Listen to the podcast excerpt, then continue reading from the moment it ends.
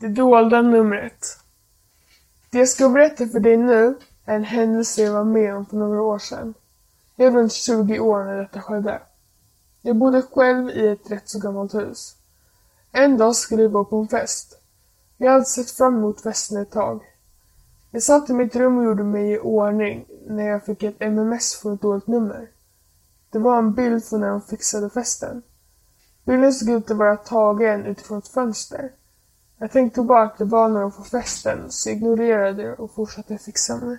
På vägen till festen kände jag mig iakttagen, men jag tänkte inte mer på det, men jag gick lite fortare.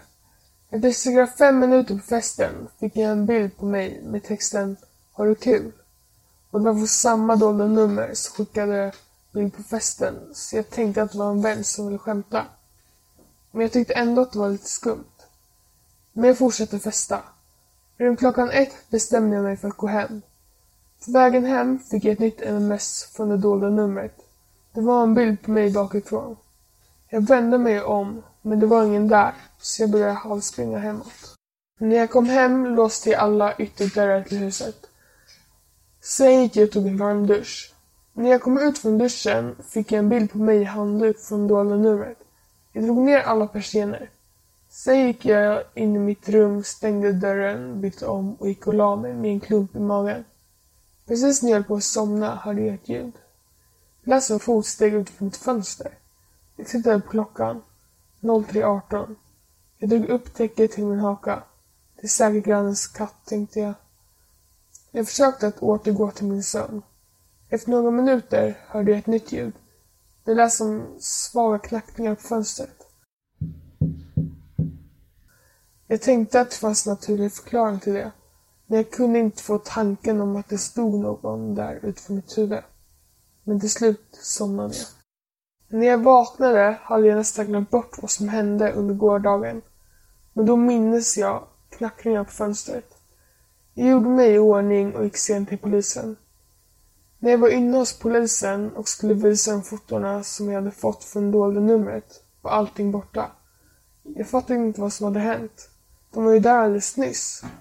Polismannen som stod bakom disken tittade på mig som om jag vore dum i huvudet.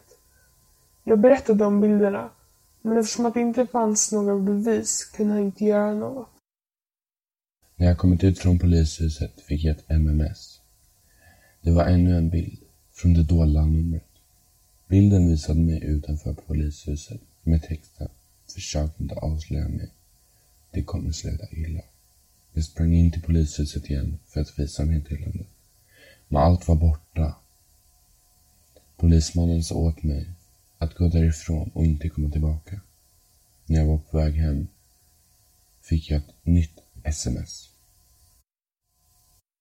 Det var ingen bild den här gången. Jag varnade dig, stod det i meddelandet. Jag stängde snabbt av mobilen för att slippa få fler meddelanden. Dagen blev till kväll. Jag startade min mobil igen för att kunna kontakta någon ifall det hände något. Jag bestämde mig för att ta en dusch. Jag lämnade mobilen på byrån i badrummet. Jag hörde det välbekanta ljudet från mobilen.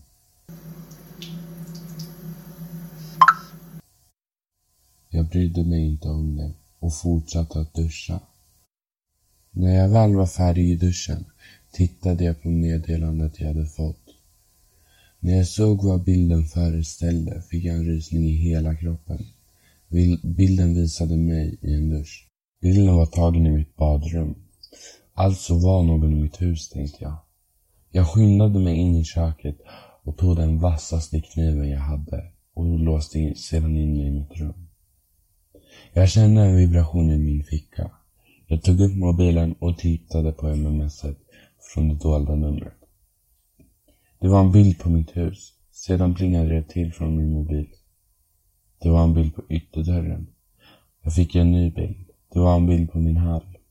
En bild på mitt vardagsrum. En bild på min sovrumsdörr. Jag hörde en knackning på dörren. Vem där? frågade jag. Då hörde jag att personen utanför drog sina naglar längs dörren. Jag rös till. Jag såg hur nyckeln som satt i dörren vreds om. Jag tog min väckarklocka och krossade fönsterglaset.